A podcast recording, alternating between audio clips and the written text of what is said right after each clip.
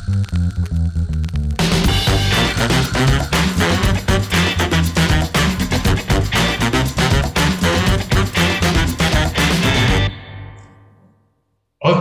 halo semuanya, balik lagi sama podcast paling ngeri di seantero dunia perpodcastan lah ini mah.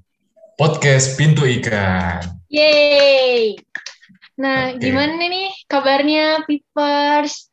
Semoga baik-baik aja ya semuanya. Hmm, Semoga nggak bosen juga PPKM ya. Ya, betul banget. Nah, hari ini kita mau bahas apa sih, Kalimong? Jadi eh, hari ini tuh eh, kita bakal bahas tentang self control nih. Soalnya kan relate banget ya sama anak muda, eh, apalagi yang ya bisa dikatakan eh, kita belum terlalu dewasa untuk mengendalikan emosi kita lah gitu kayak Betul banget. dikit-dikit tindakannya pakai emosi, dikit-dikit kesel, dikit-dikit ngamuk. Iya, ya. Itu sih paling Liv. Kita bakal bahas self control. Nah, bener banget. Tapi ngomong-ngomong, hari ini kita emang cuma berdua doang ya? Emang nggak ada bintang tamu gitu? Hmm,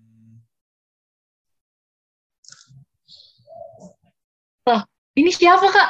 Kok ada yang tiba-tiba join sih? nah iya ini ini kok tiba-tiba ada dua orang nih ya. Siapa nih? Siapa coba? Aduh, ini siapa coba? Coba boleh eh, kasih tahu first nih.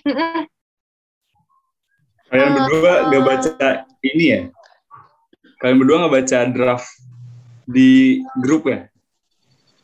Hari ini tuh jadwalnya kita yang nge-host, tahu nggak sih? Kok kalian Oh, iya. lagi sih? Iya hari ini kan host self control kan. Iya, kan kita host. Tapi Iya. hari ini tampaknya self control tuh kita yang bawain. Iya. Makanya kalau punya grup tuh dibaca, jangan di diantepin doang. Oke oke, my bad my bad. Berarti Iya. kita nggak jadi host nih ya Kalimong ya? Ya, jadi, jadi kita yang ditanyain ya ceritanya ya. Oh, gitu. Gantian. Bukan Oke, ceritanya oke. lagi emang seharusnya. Iya sih, iya sih. Iya benar. Oke, oke, boleh, boleh, boleh. Jadi gantian ya hari ini aku sama Vera yang nanya-nanya ke dua host papan atas podcast Pindikan ya. Perkenalan dulu nggak sih, Kat? Kita berdua tuh siapa Iya. sih, Kat? boleh, boleh banget. Kamu dulu kali. Katya dulu nggak sih? Ah ya udah, oke. Oke, eh, halo Pipers. Eh, kenalin nama aku Katya. Eh, di sini aku bakalan eh, take over bareng Feral jadi host untuk nanya-nanya eh, Rian sama Olive juga. Gitu. Silahkan Feral memperkenalkan diri. Ya, halo semuanya. Eh, nama saya Feral. Sekarang di, di episode hari ini yang yang bakal jadi host di Pintu Ikan Podcast. Podcast paling mantep seantero perpodcastan.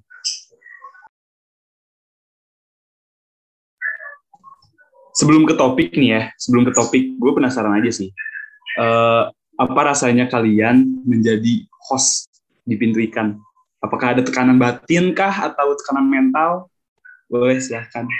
Aku dulu ya, aku dulu boleh gak? Boleh, boleh, Li.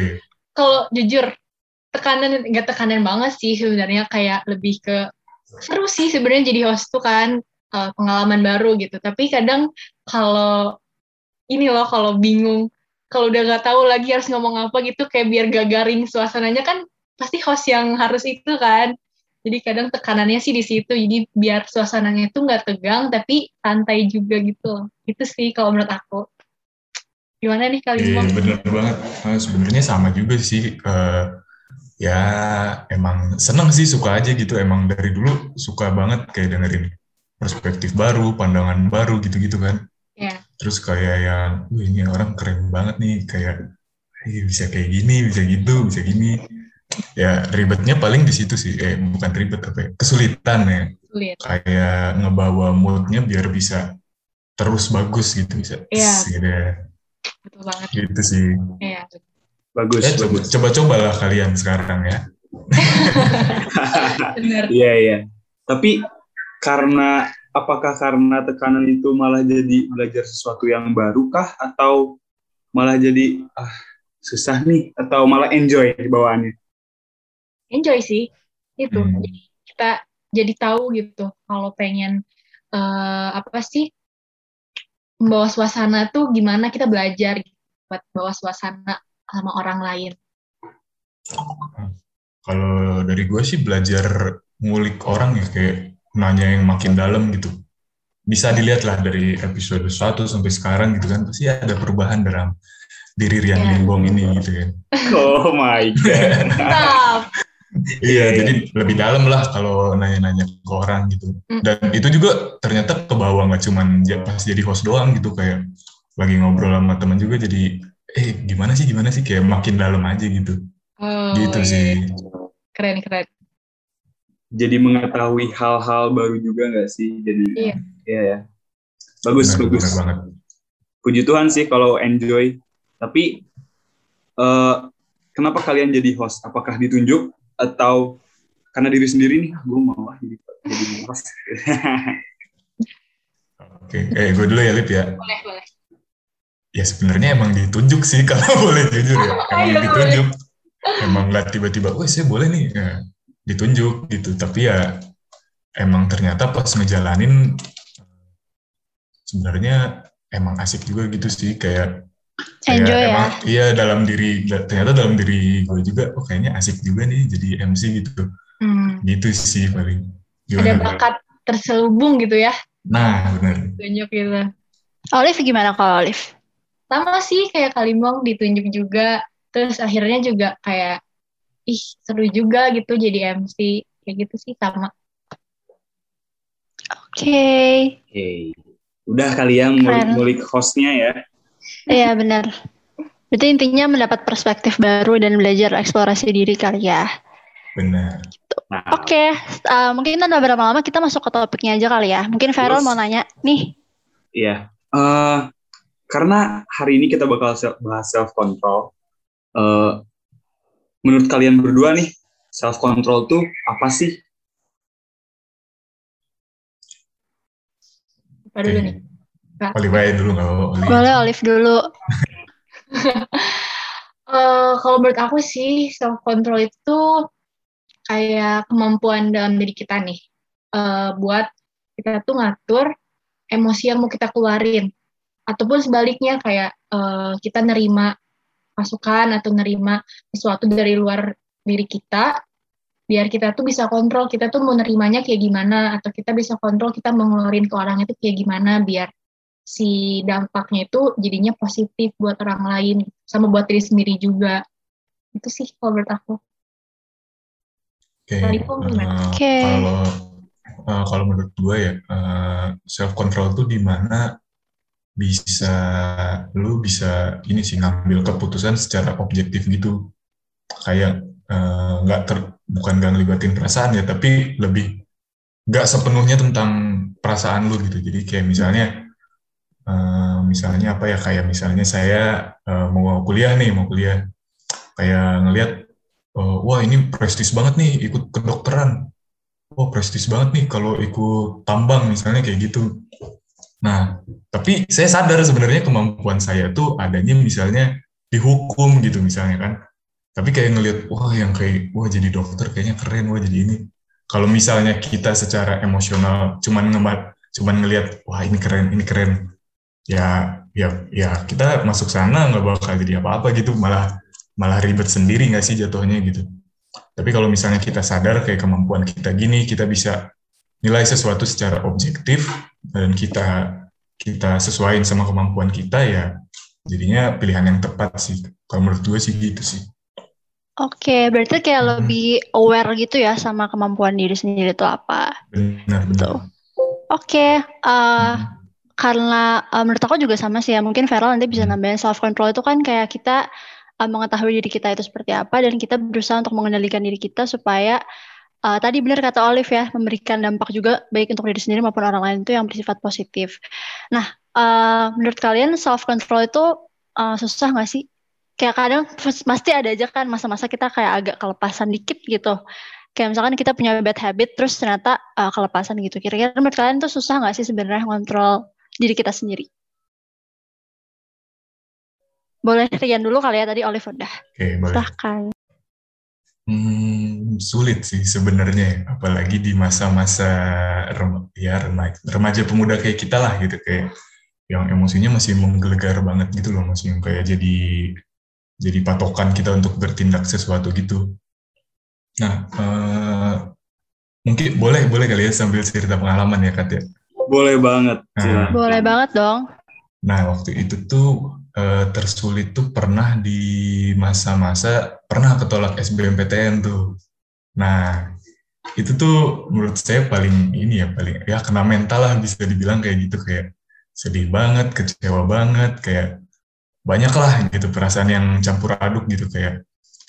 Nah di situ tuh uh, inget banget waktu itu nggak ada self control banget untuk milih jurusan apa pun gitu kayak jatuhnya bukan mau eh, bukan mau kuliah dengan bener tapi cuma mau kuliah aja gitu jatuhnya jadi kayak daftar daftar uh, jadi kan dulu tuh awalnya pengen SITH ada.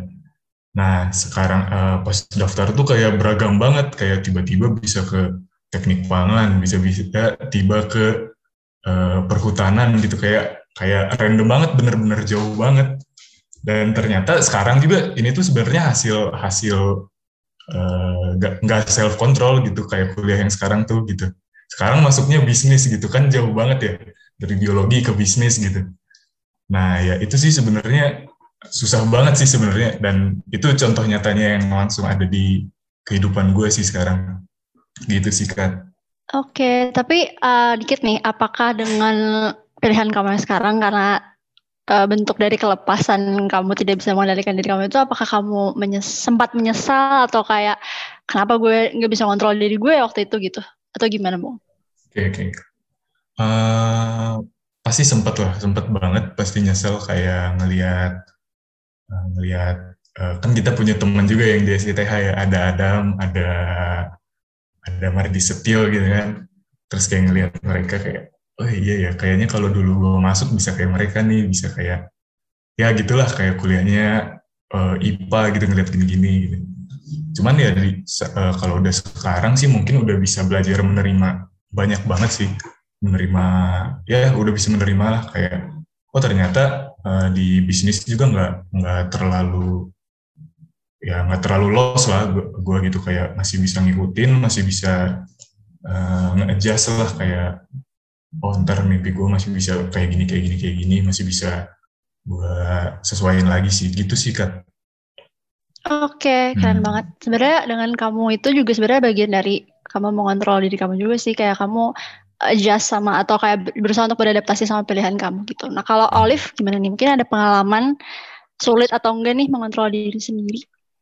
Uh, sulit, sulit banget. Kalau menurut aku sih kayak uh, kita kan manusia ya, pasti ada apa ya uh, sisi sebaik-baiknya orang tuh pasti kan selalu ada sisi liarnya lah istilahnya kan ya sisi negatifnya gitu. Kita kan nggak bisa selamanya uh, sopan selamanya baik gitu kan di depan semua orang ya. Kadang mau kita segimanapun itu juga kita kontrol di depan orang untuk sebaik-baiknya juga tetap aja kita tuh kan pasti capek gitu kan eh, nggak uh, jadi diri kita sendiri. Nah jadi emang kadang kita tuh suka pengen ngelakuin hal yang misalkan kita lagi stres ah ngapain gitu? Misalkan kita harusnya ngerjain tugas. Ah stres dulu usah ngerjain tugas mending apa kayak kita nongkrong? Atau mungkin misalkan uh, ngelakuin hal-hal yang negatif gitu kan? Ya susah banget sih. Apalagi kita umur-umur labil gini kan pasti mikirnya ah udahlah nikmati dulu aja gitu. Itu masih tertutup apa sih kayak halang sama kata-kata yaudah kita nikmati masa muda. Menurut aku makanya susah banget self control di umur-umur kita kayak gini tuh itu sih kalau menurut aku. Setuju banget sih iya. Karena mungkin karena faktor umur ya mungkin faktor umur tuh menjadi betul. faktor utama kenapa kita tuh masih uh, kurang dalam hal self control ini. Karena mungkin di seumuran kita tuh masih lebih banyak apa ya masih banyak mengikuti teman daripada mengikuti diri sendiri tuh faktor faktor itu yang menjadi uh, faktor utamanya gitu. Tapi bersyukur lah ya kalian udah bisa, maksudnya ya sedikit-sedikit udah bisa mengontrol tuh udah hal kayaknya hal yang wow banget di umur kita sekarang ini. Ya. Lalu setelah pendapat kalian ini tadi kalau susah self control itu penting nggak sih bagi setiap orang atau kayak uh, nggak ya nggak terlalu penting sih kayak gimana gimana coba pendapatnya? Mungkin Olive dulu atau Limbung dulu? Boleh. Oke, uh, boleh. Uh, gue dulu ya Liv ya? Ya boleh. Nah Kalau menurut gue penting banget sih kayak uh, untuk self control dalam setiap keputusan lu gitu ya. Uh, kayak misalnya ya itu yang tadi gue bilang harus objektif dalam pilihan hidup gitu.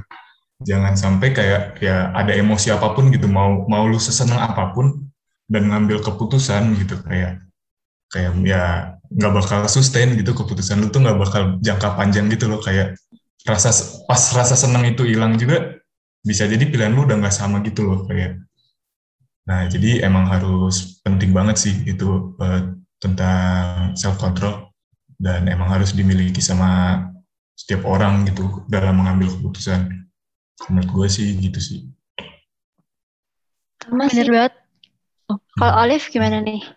Uh, sama uh, setuju gitu kan? Self control itu penting banget karena uh, apalagi kita nih ya lagi-lagi bahas umur gitu kan. Kita tuh masih umur yang mau menentuin nih kita tuh masa depan kita mau gimana gitu. Kalau kita nggak punya self control tuh kan pasti uh, apa sih dampaknya tuh bukan cuma besok doang gitu kan. Bisa jadi datangnya tuh lima tahun kemudian atau gimana. Misalkan kayak kita nentuin kuliah tadi misalkan atau kita nentuin kita mau ngapain sih misalkan habis kuliah kita mau kerja kah atau apa gitu kita mungkin ngambil S2 gitu. Misalkan orang-orang yang udah lulus kuliah. Itu kan pasti dampaknya tuh kita ngelihat jangka ke depan kan. Makanya self control tuh emang penting banget. Bukan cuma buat nanti tapi buat bertahun-tahun ke depan di umur kita sekarang ini gitu. Jadi penting. Oke okay, setuju banget. Nah uh, jadi uh, kayak yang tadi Limbo bilang juga ya kalau misalkan dalam mengambil keputusan tuh kan biasanya suka ada nih kayak uh, quotes-quotes gitu. Kalau misalkan kita lagi sedih atau kita lagi marah tuh biasanya sebisa mungkin kita tidak mengambil suatu keputusan gitu kan. Karena itu yang main di situ kan emosional kita gitu. Jadi di situ penting banget nih peran untuk uh, mengetahui kapan gue harus memutuskan sesuatu atau kapan gue harus melakukan sesuatu. Kayak gitu. Nah uh, aku sempat baca nih ini agak agak teoritis tapi ini kayak perlu banget diketahui sama Pipers dan juga uh, Limbong sama Olive gitu ya. Jadi sebenarnya tuh ada tiga aspek self control itu sendiri. Yang pertama itu adalah uh, behavioral control. Jadi kayak gimana cara kita mengendalikan uh, diri kita terhadap suatu peristiwa yang emang gak menyenangkan gitu. Misalkan kayak kita uh, dibuat bete sama orang gitu. Misalkan kayak ini orang nih kayak uh, gimana ya? Misalkan dia uh, mengatakan sesuatu yang menyakitkan kita atau melakukan misalkan udah janji jam segini ternyata datangnya lebih telat terus kita bete. Nah, itu tuh gimana sih cara kita mengendalikan diri kita? Apakah kita akan marah ke orangnya atau kayak kita tetap berusaha untuk diem aja atau mungkin kayak ada orang yang uh, langsung kan frontal ngomong kayak eh gue gak suka nih lu kayak gini kayak gitu misalkan. Terus yang kedua tuh ada uh, cognitive control. Jadi misalkan uh, kita tuh gimana cara kita ngendaliin sama informasi-informasi yang kita nggak uh, apa istilahnya kita nggak mau tahu gitu kayak uh, misalkan pas kita uh, dengar berita-berita yang emang buruk tentang diri kita atau misalkan tentang orang lain, nah itu gimana sih cara kita menanggapi hal itu kayak gitu. Ada beberapa orang yang jadi kemakan sama uh, omongan-omongan itu, ada beberapa hal yang bodoh amat karena itu toh itu omongan orang lain juga gitu kan. Dan yang terakhir adalah uh, decisional control. Jadi kayak uh, kita nih lebih milih uh, yang mana sih gitu? Apakah prioritas kita sebagai misalkan mahasiswa atau uh, kita lebih milih untuk antar ah, dulu deh tanggung jawab gue, mending gue yang lakukan suatu hal yang emang bikin gue uh, senang dulu misalkan kayak main atau dan sebagainya lah gitu. Nah uh, di sini mungkin uh, karena berhubungan sama hal itu ya kan pasti ada aja tuh uh, apa ya distraction gitu. Pas kita mau mau coba self control misalkan kayak gue berusaha berarti gue nggak mau bete nih sama nih orang gitu. Nah apa sih di biasanya uh, apa pun itu ya uh, bentuk uh, self control yang kalian lakukan tuh sebenarnya apa sih distraksi terbesarnya yang membuat self control itu tuh jadi tidak dapat kalian lakukan pada akhirnya gitu. Mungkin boleh dari Olive dulu kali ya. Uh, jadi kalau untuk distraksinya gitu ya menurut aku sih ini karena gengsi jadi biasanya kalau aku. Jadi kayak aduh uh, misalkan ke yang di bawah aku nih di umur yang lebih muda daripada aku atau adik aku misalkan lah yang deket-deket. Jadi kayak aku ngerasa ah dia masih muda dia tahu apa sih? Gitu aku mikir gitu kan. Jadi makanya aku kayak kalau aku marah atau aku ngerasa nggak suka atau ada sesuatu yang mengganggu aku sama dia tuh aku kayak ya udah aku keluarin aja semua yang aku pikirin tanpa aku kontrol apa kata-kata yang aku sampaikan ke dia gitu kan. Padahal kan sebenarnya mau dia masih muda mau dia udah tua gitu kita tuh ya harus bisa kontrol gitu. Jadi tapi itu sih makanya susah banget. Karena aku masih anggap ah dia masih muda dia adik aku tahu apa sih? Jadi ya udahlah terserah aku aja dia aku pengen ngomong apa gitu. Gengsinya masih gede banget sih kalau aku gitu ekspresinya Limbong gimana? Oke, okay. kalau ya Limbong gimana? Okay. Uh, eh, kalau dari gue sih uh, tetap sih eh si emosinya sih yang benar-benar ngedistraksi. Maksudnya kan kayak kita punya ukuran sendiri lah kayak kesel banget, kesel aja gitu. Nah kalau udah emang kesel banget gitu kan kadang emang itu jadi distraksi sendiri sih buat ya buat diri sendiri juga kayak enggak sih gitu sih. Setuju. Tapi sebenarnya hmm ini gak sih? Kalian kayak pernah gak sih kayak bingung gitu? Misalkan dia benar-benar bikin kamu bete nih. Misalkan kamu gak suka diperlakukan seperti itu gitu ya. Misalnya kayak aku nih pengalaman aku. Ada nih sempet kayak lagi nongkrong sama teman-teman lagi senang-senang gitu kan. Terus tiba-tiba nih orang tuh pokoknya kayak melakukan body shaming gitu lah ke aku gitu. Tapi itu suasananya lagi seru gitu loh ngerti gak sih? Terus kayak yeah. Iya. uh, pernah gak sih kayak kamu lu gue pengen marah nih. Pengen marah cuman kayak di satu sisi tuh kayak apa yang menjatuhkan istilahnya kayak itu kan menjatuhkan harga diri aku gitu ya kayak aku nggak suka digituin. Tapi di satu sisi kayak aku harus self control gitu. Maksudnya batasan dari kapan kita harus mengontrol itu supaya uh, hasilnya positif atau kayak kapan kita kayak gimana ya ngomong tapi kayak tidak menyakitkan dia gitu loh. Kalian paham gak sih? Kayak iya. perbedaannya tuh agak tipis gitu kan. Padahal bener sebenarnya dia benar-benar menyakitkan hati kita gitu misalnya. Menurut kalian gimana Hmm. Ini cukup ribet ya pertanyaannya. Yeah. Tapi kayaknya aku juga pernah deh ngalamin kayak kakak Tia gitu. Kita lagi seru nih, terus tiba-tiba dia juga nge shaming gitu kan. Kalau aku sih kayak emang karena itu takutnya aku nggak bisa self control apa yang aku keluarin. Biasanya aku kayak yaudah aku diem aja kayak aku gak mau memperkeruh suasana sih kalau aku tuh ya kayak udah dia daripada takutnya aku malah jadi bikin dia sakit hati juga gitu ya kata-kata aku menyakitkan udah deh mending diem aja paling kayak di rumah ngomel aja sama diri sendiri kayak oh gitu paling aku sih kesel deh keluarinnya di rumah sih gitu kalau kalau aku sih gitu Oke, okay. kalau Feral atau Limbong mungkin punya pengalaman yang serupa. Rian dulu deh, Rian dulu. Limbong aja nggak apa-apa, host nih, mumpung. aku udah tadi kan diem, tapi oke. Okay. Uh, pernah sih kayak gitu kayak lagi seneng nih lagi nongkrong nongkrong tiba-tiba teh kayak kan aku teh nggak suka disuruh ya orangnya teh kayak misalnya kalau yang repetitif gitu tuh nggak suka jadi kalau misalnya sekali dua kali masih oke okay tapi ini tuh udah nyuruhnya tuh udah kebangetan udah kelewat batas. Jadi mau ngambek mau ngumpat juga gak enak gitu suasana teh lagi asik teman-teman lagi pada ketawa-ketawa tapi kalau misalkan kurang, eh kalau misalnya aku tiba-tiba marah-marah atau tiba-tiba ngasarin dia gitu kan jadinya gak enak juga. Jadi mungkin kalau aku kalau misalnya digituin paling cuma diem. Terus kayak ya udah diem aja gitu sampai beres nongkrong pun kalau emang maunya diem ya udah diem aja. Daripada hal yang aneh-aneh. Kejadian kan gak mau tuh sama temen juga masalahnya. Jadi ya udah tahan dulu aja lah gitu. Gimana nih kalau limbong? Oke okay. uh, eh, ya sebenarnya kurang lebih sama sih kayak pengalaman-pengalaman kalian. Lebih milih diem gitu. Nah ya ini tuh dari sama mamah lah gitu. Kayak misalnya kalau berantemnya udah hebat banget gitu yang kayak mamahnya ngomelnya udah ngeri lah gitu. Nah aku tuh kak udah terbiasa banget kalau dari SMA tuh kalau misalnya ngasih opini dibantahnya juga kayak ya ya ya ya gitu doang loh. Kayak bukan yang kayak yo oh seharusnya kamu seperti ini seperti ini cuman yang langsung kayak ya, ya ya gitu kan. Nah ternyata dari situ tuh uh, yang ngebentuk banget gitu ke diri aku. Jadi kalau misalnya dimarahin langsung diem aja pilih langsung diem udahlah hindarin konflik gitu. Jadi langsung ya ya sebenarnya uh, sakit juga sih gitu kayak harus mendem-mendem gitu. Ya tapi gimana gimana ya udah kebentuk gitu loh kayak Mungkin kalian ada saran gimana gitu guys kayak ya biar bisa enak gitu kalau ngobrol eh. ada masalah gitu. Bener-bener. Sebenarnya mendem itu nggak baik loh. Iya. Gak sehat. Meskipun kayak iya nggak sehat kan Ral.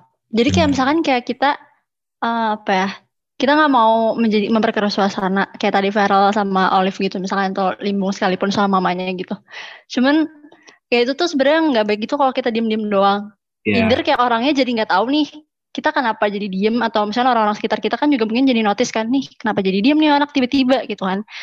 Terus orang yang melakukan kesalahan itu jadi nggak tahu juga dia salahnya di Hmm. mana gitu. Jadi kalau berdasarkan pengalaman aku ya, aku kayak ngomong baik-baik gitu sih sebenarnya. Tapi setelah emosi itu reda ya tentunya. kayak Iya. entah dan besoknya atau pas ketemu lagi gitu kan kayak aku ngomong eh eh eh, sebenarnya kemarin tuh gue bete sama lu karena lu ngomong kayak gini gitu. Iya. Jadi mencari waktu yang tepat untuk ngomong itu sih. Karena kalau misal, misalnya lagi emosi-emosinya pasti yang keluar tuh hal-hal yang menyakitkan gitu Iya. kan. Atau paling diajak berdua aja gitu gak sih? Ya, bisa, Ya, bisa. Tadi gitu, jadi Hmm. gak usah depan banyak orang kalian.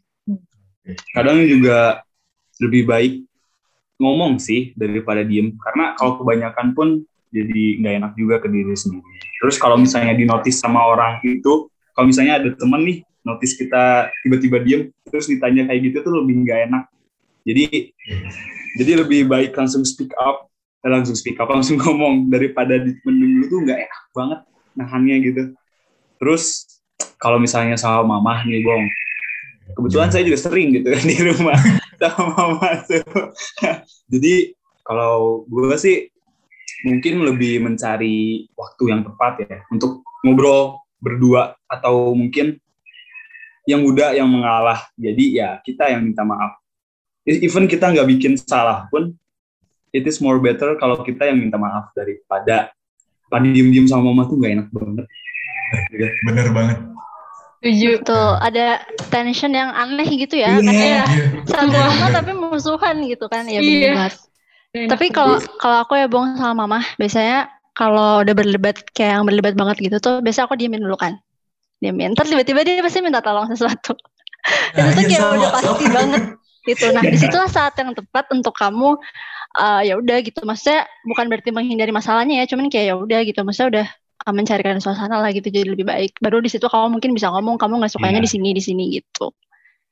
Gitu Tapi sih. ingat juga Bong kalau ngobrol sama mau sama teman atau sama mama atau sama orang-orang lain kalau kitanya lagi bete atau lagi emosi gitu eh, hati boleh panas tapi otak tuh harus tetap dingin mau gimana pun situasinya tetap otak karena yang kita kan ngomong tuh pakai otak ya bukan pakai hati hati juga sih sebenarnya biar gak sakit hati banget tapi eh, otak tuh lebih karena kan hati nggak bisa bergerak tanpa otak gitu Oke, oke. ya Mantap. Oke, makasih banget nih. Host-hostnya ngeri-ngeri juga ya. Paham banget ya kayaknya Liv ya. Iya, hati- keren banget. hati-hati jadi hati-hati aja kalian berdua kita ga, kita geser Bisa Iya, udah lama kita nih. nih. Sel- Selanjutnya kita lebih banyak nih episode. iya Bener-bener. oke Oke. next ke pertanyaan selanjutnya setelah kalian eh, mengatasi distraksi apa aja sih kebiasaan yang susah banget di eh, dikontrol sama diri kita sendiri itu ada kali kayak misalnya kalau kalau gue eh gue kan perokok ya. Jujur. Eh, jadi udah netapin nih diri sendiri eh, mau berhenti mau mengurangi. Tapi kalau sekali nongkrong tetap aja tuh. Jadi eh, jadi mungkin hal itu yang susah dikontrol sama gua. Kalau kalian apa nih Eh, kalau dari gua sih ini sih rasa males sih gitu.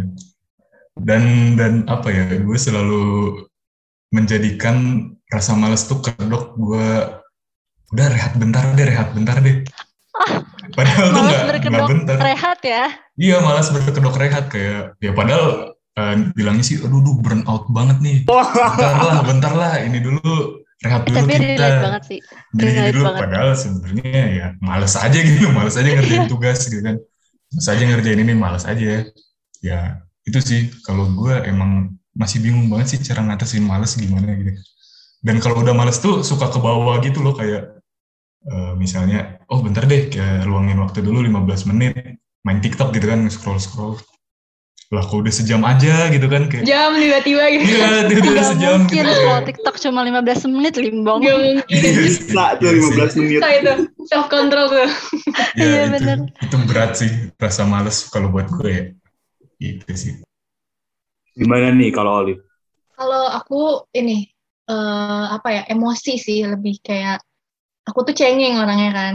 Ya jadi apa-apa tuh nangis, apa-apa nangis, apa-apa keluar air mata gitu. Aku tuh bahkan di depan umum pun kadang suka kalau aku ngerasa, duh gimana gitu, suka nangis gitu kan. Itu susah banget sih aku tuh jadi kayak jadinya misalkan sebenarnya tuh menurut orang lain biasa aja tapi karena akunya memang terlalu baper mungkin ya jadi nangis terus jadi gak enak kan kayak yang lain kayak jadinya kayak mengasihani aku akunya juga kayak gak suka gitu kan dikasihani kayak nggak sih sebenarnya nggak apa-apa cuma dikit aja gitu sedihnya jadi kadang emang itu sih cengeng itu aku nggak bisa masih nggak bisa kontrol di mana pun. Gitu sih. Tapi kayaknya kalau mengeluarkan air mata tuh atau nangis tuh kayaknya oke okay deh. Menurut aku ya karena kita udah nggak tahu nih mau ngeluapinnya gimana mau marah-marah nggak enak mungkin ya. Atau mm. mungkin mau tiba-tiba uh, bad mood seharian kan ngebingungin orang-orang. Jadi kadang menurut aku lebih baik untuk nangis tuh uh, salah satu pelarian termantap maksudnya terenak lah terlega setelah mm. mengalami hal-hal yang kita harus yang kita alami gitu. Yeah. Betul, setuju. Tapi ini uh, Olive kayak sama deh sama aku.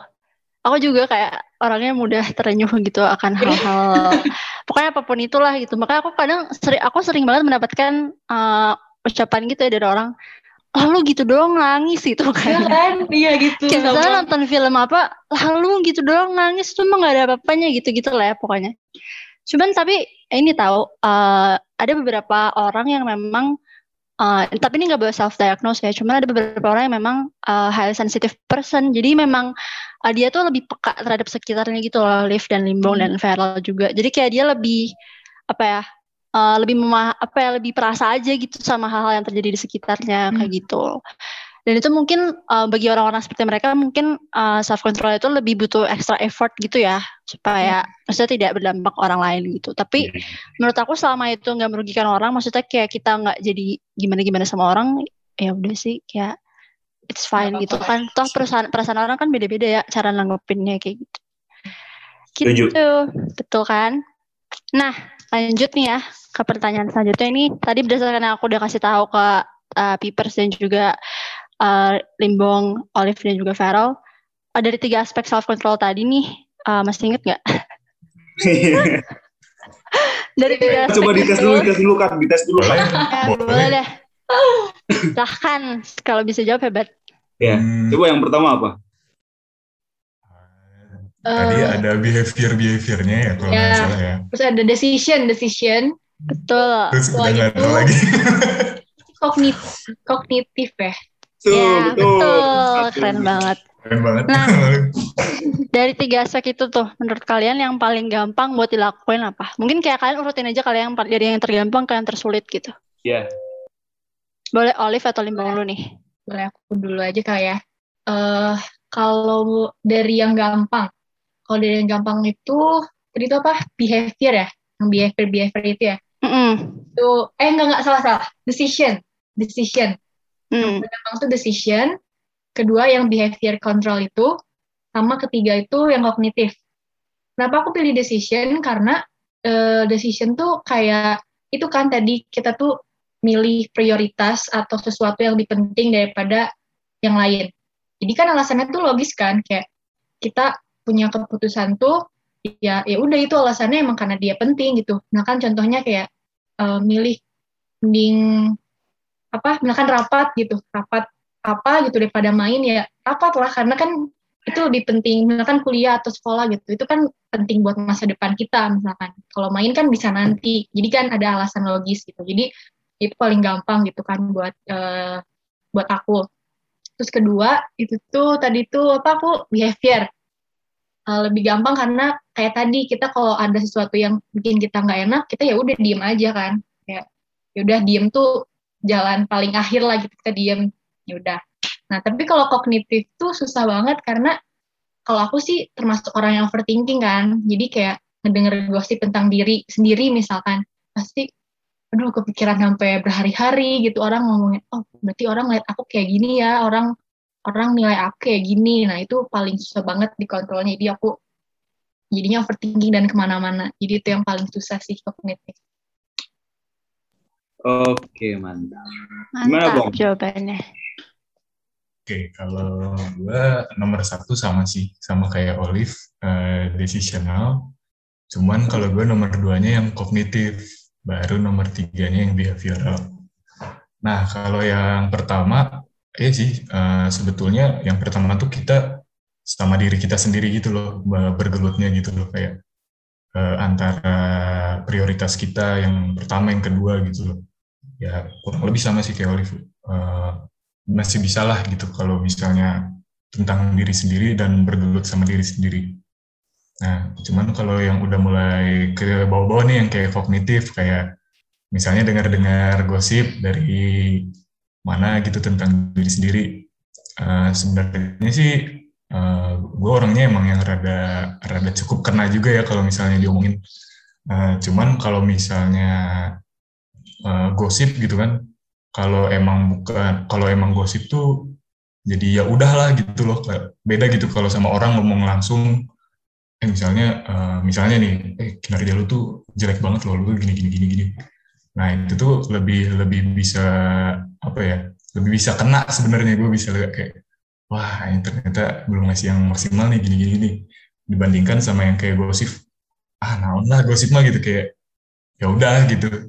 Nah, kalau buat yang ketiga ini yang behavioral control, nah ini ini ini paling su sulit sih sebenarnya. Uh, mungkin bisa ya saya ceritain tentang ini sedikit pengalaman cinta mungkin ya. Boleh, Boleh banget. Jadi waktu harus itu ada lagi, pengalaman percintaan di dalam sini. Oke okay, oke. Okay. Uh, jadi pernah waktu itu lagi ngedeketin orang lah gitu ngedeketin gitu kayak udah dengan berbagai macam strategi lah udah ngeri ngeri lah pokoknya terus terus terus terus terus, terus. terus tiba-tiba uh, pernah nih lagi cetan enak gitu kayak cetan topiknya mantep gitu kayak nah tiba-tiba dia nanya gitu kayak kenapa ya cowok kalau balas cuek gitu? Ah perasaan saya kalau cowok eh, saya balasnya cepet terus gitu kayak selalu selalu responsif loh, loh, loh terus kayak nah, apa nih apa nih? Terus kayak mencoba objektif gitu loh kayak uh, oh eh gimana gimana? Diceritain lah ternyata dia emang tidak tertarik dengan saya dan ada yang lain gitu nah itu itu berat banget sih maksudnya. Di satu sisi uh, harus tetap tetap ngewaru dia as a friend gitu kan as ya sebagai teman. Tapi di satu sisi lain ya saya kecewa banget gitu. Kayak orang yang gue suka eh ternyata ambilnya yang orang lain gitu kan. Ya gitu sih. Itu sih susah banget sih kayak wow, menye wow menyeimbangkan itu susah uh, banget sih. Itu gila sih. Tapi itu gila sih. Iya itu itu nyepeknya kayaknya wow aku tidak bisa membayangkan Tega banget nih siapa sih ceweknya? Oh iya jangan dong. eh tapi ini udah udah udah sembuh lah ya lukanya atau masih ada udah, nih? Udah, udah, udah. Oh, udah. Puji Tuhan ya. ya Mantap dong. Aduh. Nah. Kalau gue sendiri, ya, kalau ya, boleh, cerita. tiga aspek ya. Hmm, mungkin yang paling mudah itu cognitive control. Karena mungkin kenapa ya? Mungkin karena gue orangnya bodo amatan gitu kalau misalnya dengerin gosip orang-orang tuh. Mungkin ya mikirin dikit tapi pada akhirnya juga ah ya udahlah itu mah orang lain yang menilai gitu kan. Karena menurut gua gua tuh orangnya yang membiarkan orang menilai apa pun tentang diri gua ya silahkan gitu. Jadi ya udah. Terus yang kedua mungkin decisional control ya. Karena uh, masih kadang-kadang masih kayak misalnya contohnya kayak tadi aja uh, untuk uh, kuliah dulu atau main dulu kadang masih pilih main dulu dibanding kuliah padahal tuh tugas-tugas dan segala macamnya tuh deadline-nya udah mendekati udah maksudnya udah mendekati deadline gitu. Terus kalau yang paling susah behavior behavior sih. Uh, eh, gue tuh orangnya yang gampang banget emosian. Terus setelah emosian tuh langsung tiba-tiba bertindak gitu tanpa pikiran jernih atau apa pun itu jadi ya mungkin itu aja sih dari tiga itu gimana nih kalau Katia okay. uh, kalau aku sama sih yang pertama uh, sama kayak tadi ya kayak Olive sama Limbong. Yang paling gampang tuh yang decisional karena aku orangnya selalu apa ya kayak punya priority scale gitu kayak mana harus dilakukan duluan mana yang enggak gitu. Jadi kayak masih bisa lah itu dikontrol gitu sendiri. Cuman uh, mungkin di sini yang perlu untuk teman-teman tahu juga ya kayak uh, apa ya bukan berarti selalu memilih antara prioritas maksudnya tanggung jawab kita untuk mengerjakan tanggung jawab kita kayak kuliah atau ngerjain tugas dan bermain gitu tapi kadang-kadang juga self control itu perlu buat kayak misalkan uh, tadi kita benar-benar udah burn out dalam definisi yang sesungguhnya ya bukan yang berkedok malas itu maksudnya bener-bener kayak udah capek banget nih nah itu tuh harus punya self control juga kayak kapan kita harus istirahat gitu loh karena kadang ada beberapa orang yang kayak kayaknya gue gak perlu istirahat deh. Kayaknya kalau istirahat tuh merasanya salah gitu loh. Nah itu tuh juga sebenarnya salah kan. Ada. Tuh. Terus yang kedua adalah uh, yang behavioral sama kognitif itu menurut aku kayak di dua level yang sama gitu sih. Karena aku orangnya sama kayak Olive overthinking. Terus kayak uh, selalu mikirin omongan orang gitu. Sebenarnya itu kan nggak sehat ya buat diri sendiri. Uh, dan kayak gampang gitu loh kayak kalau orang ngomongin ini oh berarti gue kayak gitu ya sebenarnya kayak gitu lah. Terus yang untuk yang behavioral itu uh, aku biasanya diem sih, cuman jadinya kayak ke bawah bete seharian gitu. Jadi itu kayak masih susah banget uh, buat dikontrol di bagian-bagian seperti itunya sih. Gitulah kurang lebih, Feral. Oke, okay, oke. Okay. Nah, uh, karena udah tadi udah ngebahas, ngebahas terus. Pernah nggak sih ada satu momen atau satu kejadian gitu yang membutuhkan membutuhkan self control diri kita sendiri self control uh, gimana ya? Bentar bentar. Oh ini gini gini gini. Ada satu momen yang membutuhkan self control kalian uh, pernah nggak sih bersyukur merasa bersyukur setelah wah gue berhasil nih mengontrol diri gue sendiri. Pernah nggak? Kayak misalnya uh, misalnya lagi apa ya maksudnya kayak tadi uh, ada kerjaan nih ada kerjaan numpuk. Tapi satu sisi juga temen tuh uh, ngajak main. Terus kita kayak kayak terus aku milihnya lebih memilih untuk mengerjakan pekerjaan dan tugas-tugas dulu dibanding bermain bermain dulu terus pada akhirnya di akhir hari merasa wah untung udah selesai nih jadi besok bisa main atau segala macam bebas gimana gue pernah nggak kayak gitu Apa dulu nih? Iya. Bingung, kok bingung. sweet, sweet, sweet, sweet. Enggak, enggak. Olive dulu deh, Olive dulu Ladies deh. first aja, masih. Oke, oke. Ada sih, pasti pernah kayak meskipun jarang tapi ketika aku bisa gitu tuh kayak aduh akhirnya gitu. Kalau contohnya sih misalkan ya tadi kan aku bilang aku overthinking ini orangnya. Nah, pas aku kayak misalkan ada orang nih ngomongin aku atau ada isu-isu gak enak tentang aku, aku kayak enggak ah, aku nggak kayak gitu. Nah, aku tiba-tiba kayak gitu tuh, tiba-tiba ada pikiran baik kayak enggak aku aku nggak kayak gitu meskipun awalnya berarti dia kayak gitu ya apakah aku. Tapi tiba-tiba ada dukungan nih dari saudara atau dari teman kayak enggak dia seenaknya aja ngomongnya. Terus aku juga mikir iya sih. Terus aku ngaca nih ke dari aku sendiri. Enggak aku tuh nggak kayak gitu orangnya. Itu cuma mereka ngeliat aku sebelah mata doang gitu. Nah pas aku udah mikir kayak gitu aku aku mikir aku tuh lebih baik daripada apa yang mereka pikirkan gitu. Karena aku yang kenal diri aku sendiri kan. Jadi aku kayak aduh ya Tuhan makasih banget gitu. Akhirnya aku punya pikiran positif tentang diri aku sendiri gitu. Meskipun emang kadang hal itu jarang banget terjadi tapi sekalinya terjadi terjadi itu makanya aduh bersyukur banget. Akhirnya aku bisa mikir yang baik tentang diri aku meskipun orang lain mikir aku tuh nggak nggak baik misalkan. Ya gitu sih. Jadi jarang-jarang tapi sekalinya dapet. Seneng banget gitu. Kayak Lega ya kalau udah bisa Lega. self control tuh. "Mm, lega banget. Kayak akhirnya setelah selama ini selalu negatif pikirannya gitu kan jadi akhirnya ada aura positif lah gitu Ih, keren keren bisa. Mantap Liv. Keren banget. Keep it up, keep it up. Ya, Betul. Gimana nih kalau Limbong? Ya, Limbong gimana nih? Oke, Eh, mungkin gue mau nyambungin sama yang behavioral tadi ya, yang susah banget. Nah, jadi ini eh, sekedar latar belakang mungkin ya. Jadi tuh si ceweknya tuh ini emang udah sering diceng-cengin dari kelas 2 SD, bayangin nih.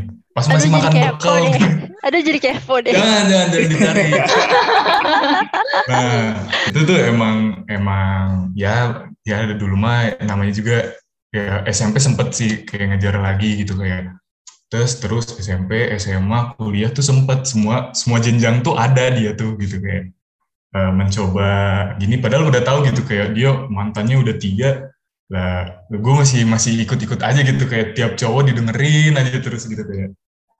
Uh, sampai suatu saat uh, yang cowok yang terakhir ini uh, gue mulai bisa menerima kalau oh, kayaknya uh, seneng banget ya ngelihat dia seneng juga gitu nah kayak gue udah bisa self control diri gue untuk kayaknya gue udah kayaknya gue nggak harus memiliki dia gitu loh kayak uh, oh kayaknya dia dia ya, ya cukup ngelihat dia seneng tuh ikut seneng gitu loh. Yang nggak harus nggak harus yang kayak oh jadilah pacarku gitu. Nggak nggak harus yang gitu tuh. Tapi udah bisa kayak ngelihat dia wah dia dia seneng nih ikutan seneng gitu kayak ya gitu sih. Dan udah ya gitu udah bisa menerima sih. Dan ini tuh sempet sempet jadi gue gue sempat nulis gitu kayak uh, ya catatan kecil gitu lah kalian kalian pasti punya nggak sih kayak kalau misalnya lagi jenuh terus nulis gitu kan. Ada iya iya iya nah, punya punya ada nah gue tuh pernah nulis kayak gitu pas lupa dah kapan pernah nulis kayak gitu. Nah pas gue udah nemuin rasa yang kayak gini yang kayak gue udah bisa nerima gue udah bisa self control diri gue dari keinginan gue gitu. Nah itu tuh gue gue nulis lagi gitu di bawahnya kayak oh ternyata gue udah bisa nerima dia sebagai ya nggak nggak harus jadi pacar gue juga udah bisa nerima gitu loh. Gitu sih dan itu gue bersyukur banget sih maksudnya gue udah nggak perlu lagi ngebatin kalau dia cerita apa apa apa gitu kayak gue udah bisa ikut senang kadang bisa ikut sedih bisa ikut ya gitulah gue bisa ikut wow, apa perasaannya ya. sih gitu sih ah, oh jadi sedih deh Pelas dulu, pelas dulu untuk dibuang, pelas dulu. Keren banget, Masih keren banget. Keren Cinta banget. ini harus memiliki. Betul, itu level mencinta yang sangat itu loh, yang sangat tinggi Sangat loh. Limbong, sumpah. Waduh. Kayak kamu udah biar membiarkan dia bahagia dan kamu rela gitu, jadi kayak wow, Hmm. Yes. keren, Keren banget. keren banget. Your love. Harus belajar dari Kalimbong sih ini. Betul. tapi berat men nggak Ini banyak nih. Tapi Iya. wah gila ya perjalanannya dari kelas 2 SD sampai kuliah ya, Bung. Iya, tapi Lumayan ya, lama ya. SD mah lucu-lucu lah Iya. Iya, cuman iya lucu-lucu, cuman lumayan Lama lama kan berarti. tuh ya. Hmm, iya. Mungkin Limbong bisa dinobatkan sebagai pakar cinta MY. Bener banget. Waduh, Bener banget. Keren, keren. Limbong. Keren, keren, keren. keren. Oke. Kalau Mbak Katia gimana nih, Mbak? Hmm.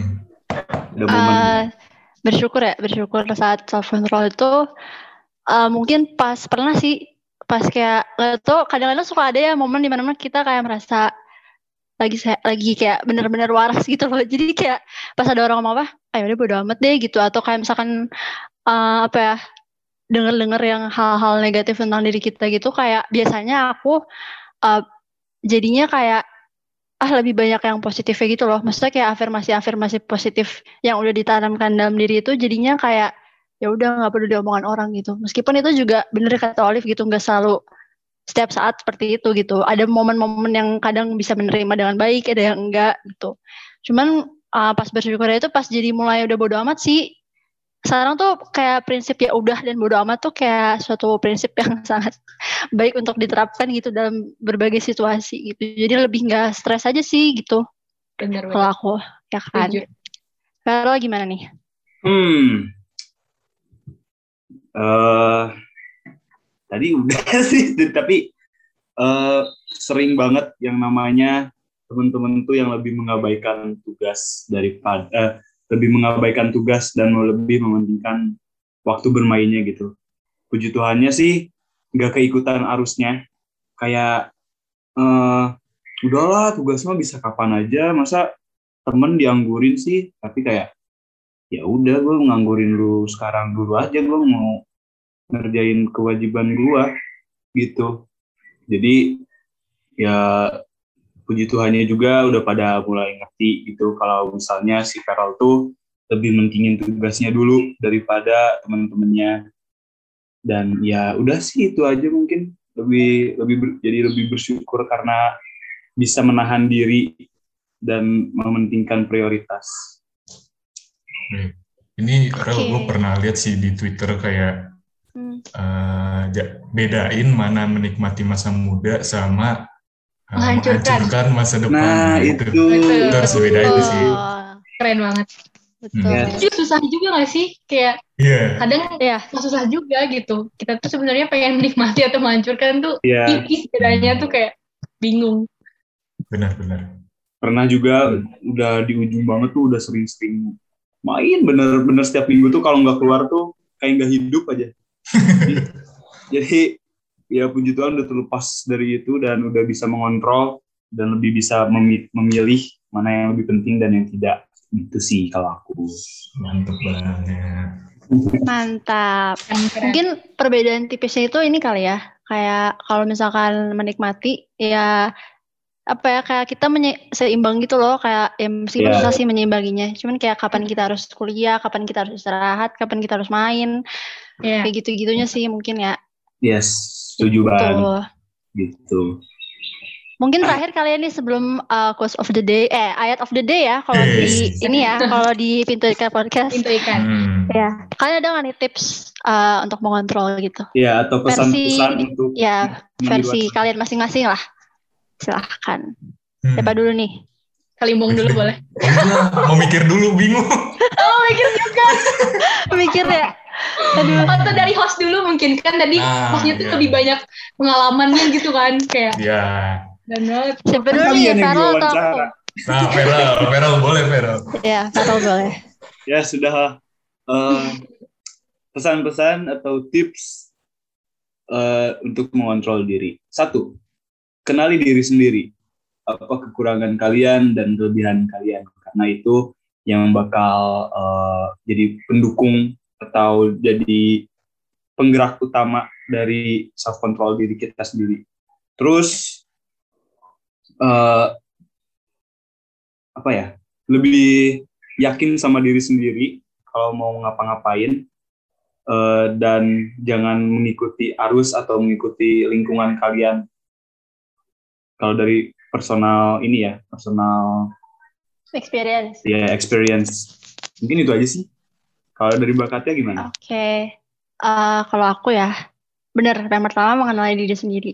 Karena kalau udah kenal tuh jadi omongan orang tuh kayak ya udah toh kita yang paling kenal diri sendiri kan. Jadi kayak ya udah bodo amat orang mau ngomong apa gitu. Sama mungkin eh, terus belajar untuk itu sih maksudnya tipsnya adalah terus belajar gitu jadi ketika kita gagal untuk mengontrol diri itu jangan jadi kayak deh kayaknya gue emang orangnya gini deh. Kan suka ada yang kayak lo orang emang gue orangnya gini gitu kan. nah yang kayak gitu kan jadi kayak nggak baik juga gitu. Jadi eh, terus belajar untuk mengontrol diri sih kayak berproses aja gitu. Dan mungkin kayak lebih eh, kalau misalkan suatu cara itu udah bener mungkin kayak bisa terus diterapkan gitu. Sambil mungkin tanya cerita-cerita juga kan ke orang kayak kalau gue kayak gini tuh harusnya gue gimana ya nanggepinnya? Kayak gitu gitu sih kalau dari aku. Kalau dari Limbong gimana? Udah serius nih kayaknya Iya, iya. memikirkan jawabannya. Iya sih. eh, kalau dari gua, iya sih. eh, tahulah kapasitas diri sendiri gitu kayak tahu eh, kemampuannya kayak gimana gitu. Dan yang ya yang tahu persis itu tuh ya lu sendiri nggak bisa nggak ngelihat dari orang lain gitu. Emang kapasitas lu ya lu yang tahu. Dan yang kedua paling kontrol emosi sih itu sih Eh, kayak jangan ja- ya jangan jadiin emosi itu jadi patokan utama gitu dan karena emosi itu sesaat gitu kayak mungkin mungkin sejam lagi aja udah hilang mungkin dua hari lagi hilang gitu sih ya kalau dari gue itu sih dua itu Mantap Limbong. Ya, oke mantap Ah, nih Olive nih. Eh, aku setuju sama eh, kakak-kakak tadi yang bilang itu yang soal kenali diri diri sendiri, terus kapasitas kita kita kenalin. Nah, selain itu juga kita kayak tadi yang kata kalimbung objektif gitu kan. Kita tuh ya sebisa mungkin anggap aja semua orang itu sama dan kayak eh, mau dia lebih tua atau mau dia lebih muda, kita tuh kayak iya dia tuh bener atau salah. Kita tuh eh, nanggepin merekanya tuh harus ya udah sesuai sama eh, ya yang faktanya aja gitu jangan mikir karena ah dia nggak aku nggak enak nih soalnya dia temen aku nggak enak nih soalnya dia lebih tua atau lebih muda gitu jadi kita kayak anggap aja semua orang tuh sama aja gitu jadi kita eh, bisa self control gitu sih jadi jangan karena ah nggak enak gitu kita objektif aja sama apa yang dia lakuin gitu gitu sih Wow, luar biasa. Tepuk tangan dong untuk uh, bintang tamu ya berarti sekarang gitu. bintang tamu. bintang tamu. Ya. Jadi bahasan kita sebenarnya udah beres ya. Udah beres. Pintu Yep. ikan tidak lengkap rasanya tanpa OTD. Yes. Tahu betul. ayat of the day. Jadi ayat of the day dari eh, hari ini adalah dari Titus 2 ayat 6 yang berbunyi Demikian juga orang-orang muda, nasihatilah mereka supaya mereka menguasai diri dalam segala hal. Begitu. Bagus banget ya. Yeay, bagus banget ya ayatnya. Gila, guys. Oke. Ya, Oke. jadi Gimana nih? Gini aja ya dari kita Kak. Iya gini aja jadi host pengganti take over hostnya hari ini ya. Gimana gimana pengalamannya gimana? Jadi host Iya. takeover gimana nih? Apa Aduh, gimana nih? Lanjut gitu. Heeh. Gimana ya? Mungkin mau gantiin kita gitu. Hmm. Eh tapi jujur ini susah loh buat mereka-mereka nih yang kayak suka bilang eh MC doang mah gampang nggak doang mah gampang cuman ngomong Iya. doang. susah-susah guys. Mereka berarti belum pernah jadi AMP. Nah. Betul, Itu betul. aja. Gimana rasanya ditanya-tanya setelah menanya-nanya mulu? Tapi justru lebih susah ditanya gak sih? Iya gak sih kalimat? Eh, Kalau aku sih kayak dua-duanya kayak punya kesulitan sih. iya sih, soalnya. dua emang kesulitan sih. Iya. Betul betul. Iya. Bagus. Jadi siap-siap aja diganti ya. Oh, enggak, enggak. Iya. Melunjak jadinya sekali take over. Melonjak nih. Aduh. Jadi sekian dari kami host take over.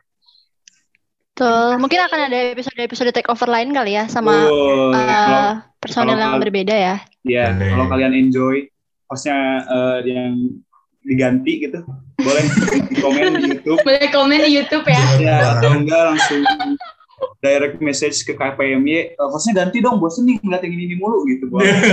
Aduh. Aduh sebosan katanya. Oh iya, jangan lupa juga subscribe YouTube kita. Benar. Kai Malang Yusuf dan ada video kita juga nih. Kita lagi recording gini.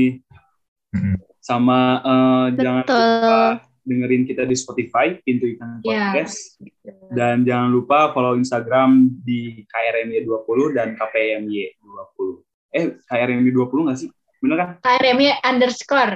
Oh ya underscore KRMY underscore oke. 20 dan KPMY20. Ya. Kalian bakal dapat mungkin- lebih banyak tentang Hmm. Mungkin ini kali ya buat teman-teman yang punya ide-ide menarik itu kali Ya. ya soal topik-topik bahasannya Hmm, gitu. betul. Komen aja langsung. boleh langsung komen di comment section YouTube nanti Yes. video ini. Jadi mungkin segitu aja dari kita. Sampai jumpa di lain episode. Iya. Oke. Makasih ya host take over. Terima kasih, Oh iya, sama-sama. Dadah. Terima kasih. Dadah Vipers. Oke, dadah. Dadah, Thank you, Bipers. Bye.